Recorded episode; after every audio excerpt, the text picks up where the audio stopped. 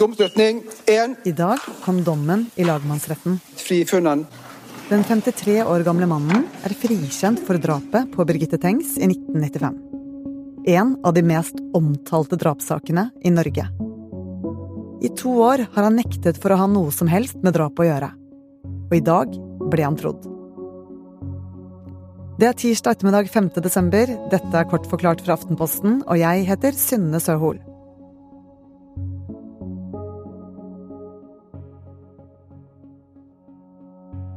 Andreas Bakkefoss, du har fulgt rettssaken i Stavanger for Aftenposten. Hvordan reagerte salen da frikjennelsen kom? Det var jo veldig intenst å sitte i rettssalen der i to og en halv time eh, og få høre dommen fra lagmannsretten. Og eh, mot slutten eh, av opplesningen så kom denne tiltalte 53-åringen frem. Han hadde tidligere sittet litt på et sånt bakrom, men nå kom han frem for å høre slutningen. Og da dommerne sa til han at han er en fri mann og at han er frifunnet, så knakk 53-åringen eh, sammen. Eh, han holdt seg til stolen og bøyde seg ned, og, og måtte støttes opp av politiet som sto ved siden av ham. 6. mai 1995 ble 17 år gamle Birgitte Tengs funnet død på Karmøy. Hun hadde blitt utsatt for grov vold før hun ble drept. I 1997 ble en fetter tiltalt for drapet, men senere frikjent. Og i mange år sto saken uoppklart. Men i 2019 ble det gjort nye undersøkelser av strømpebuksen som Tengs hadde på seg den kvelden hun ble drept. De fant altså en bitte liten del av hans DNA på eh, trusedelen eh, av strømpebuksen, litt nedenfor eh, linningen. Og aktoratet de har bygget hele sin sak på at denne mannens DNA er på strømpebuksen, og kan bare være på strømpebuksen fordi han var der og drepte Birgitte Tengs denne natten. Så hele saken til påtalemyndigheten og aktoratet eh, har bygget på at eh, mannen var der og drepte Birgitte Tengs med sine blodige hender, og derfor så var hans DNA også der. Men den eh, hypotesen, eh, den kjøpte ikke lagmannsretten, eller? Nei, de eh, kjøpte på ingen måte den hypotesen. De var veldig kritiske både til etterforskningen og til skal vi si, aktoratets opptreden i, i retten. De kalte påstanden om at dette beviser at 53-åringen eh, drepte Tengs for en ren eh, spekulasjon. Og de var også veldig opptatt av at i denne saken så er det jo biologiske spor og DNA-funn også fra helt andre personer som politiet ikke aner hvem er. Så de sier rett ut at dette funnet det kan man ikke bruke som bevis for å si at han var der og drepte Birgitte Tengs. De fillerisset rett og slett påtalemyndigheten ganske kraftig.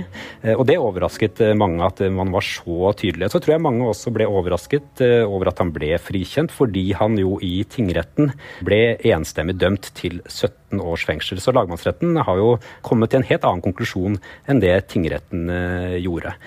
Og for den tiltalte 53-åringen selv så satt følelsene langt, langt utenpå når han da kunne gå ut av Stavanger tinghus som en, som en helt eh, fri mann.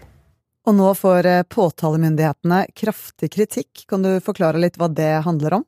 Den kritikken som lagmannsretten eh, kommer med, handler om at de mener påtalemyndigheten har gått si, altfor langt i å bygge sin sak på et en, ensidig måte. De har valgt én retning, altså dette DNA-beviset, og så har de gjort alt de kan, mener lagmannsretten, for å finne ting som passer inn i det bildet som er deres hypotese. Og lagmannsretten sier rett ut at det, det er det ikke bevis for, og de refser også påtalemyndigheten i å eh, ikke skal vi si, lete etter andre muligheter. Mange medier har identifisert 53-åringen og brettet ut detaljer om livet hans. Hvilke konsekvenser vil det få? Ja, Det blir jo interessant å følge videre, og det vil helt eh, sikkert eh, bli eh, noen konsekvenser. Eh, forsvarerne har jo allerede sagt at de nå vil sette seg ned og vurdere skal vi si, mulige erstatningssøksmål eller erstatningssaker. Eh, denne tiltalte mannen har jo mistet flere år av eh, arbeidsinntekt og skal vi si, mistet livet sitt og satt livet på pause i noen år mens han har vært varetektsfengslet. Og så er det jo mange medier som har brukt navn og bilde på denne mannen, og han har jo fått brettet ut skal vi si, sine mest intime detaljer i norske medier nå i, i flere år pga. disse to rettssakene. Vil denne dommen bli anket? Det vet vi ikke per nå. Det er jo mulig å anke en eh, dom fra lagmannsretten videre til Høyesterett. Men da er det helt spesielle kriterier som er oppfylt, bl.a. saksbehandlingsfeil og, og, andre ting. Så aktoratet vil jo ikke svare nå på om, om, det er noe de vurderer, men de vil nok sette seg ned og lese dommen og så vurdere hva de skal gjøre videre. Men, eh, men det er ikke kommet noen signaler om at de vil anke den dommen eh, i, i dag. Andreas, drapet på Birgitte Tengs er fortsatt uløst. Hva kommer til å skje videre nå? Dette er jo en av Norges mest omtalte drapssaker, eh, som man da fortsatt ikke eh, har fått noe løsning på.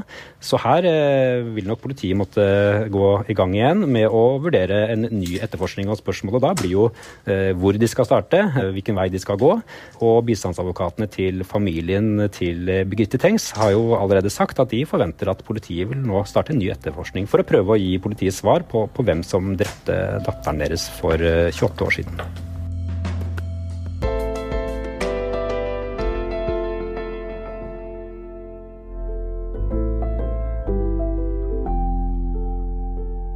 Du har hørt en kort forklart fra Aftenposten med journalist Andreas Bakkefoss. Denne episoden er laget av produsent Fride Nesten Onsdag og meg, Synne Sørhol. Lyden du hørte, er fra VGTV. I Norge elsker vi når kongen tar trikken. Velkommen eh, hjem til meg her på Ildseng. At Erna spiller Candy Crush sånn som oss. Den beste boken du har lest, eh, det er alle Harry Potter-bøkene. Men Hvorfor later politikerne som de er som folk flest? Elite, jeg? Nei. Hør sesongens siste dypdykk om elita hos Aftenposten eller Podme.